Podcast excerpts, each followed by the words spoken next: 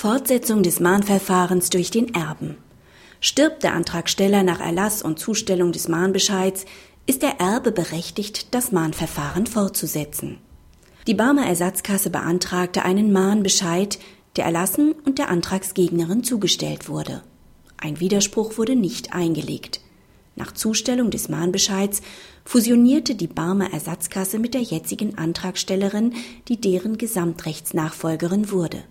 Sie nahm das Verfahren nach 239 ZPO auf und beantragte, ihr eine vollstreckbare Ausfertigung des Vollstreckungsbescheids zu erteilen. Den Antrag wies das Amtsgericht zurück, der sofortigen Beschwerde gibt das Landgericht Hagen statt. Grundsätzlich kann nach 699 Absatz 1 Satz 1 ZPU der Vollstreckungsbescheid nur zugunsten desjenigen erlassen werden, der als Gläubiger im Mahnbescheid bezeichnet ist.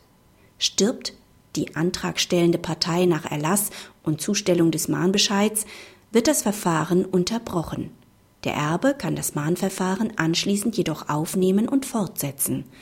Das Landgericht Hagen überträgt diese für den Tod einer natürlichen Person geltenden verfahrensrechtlichen Grundsätze auf die Gesamtrechtsnachfolge einer juristischen Person und wendet 239 ZPU analog an.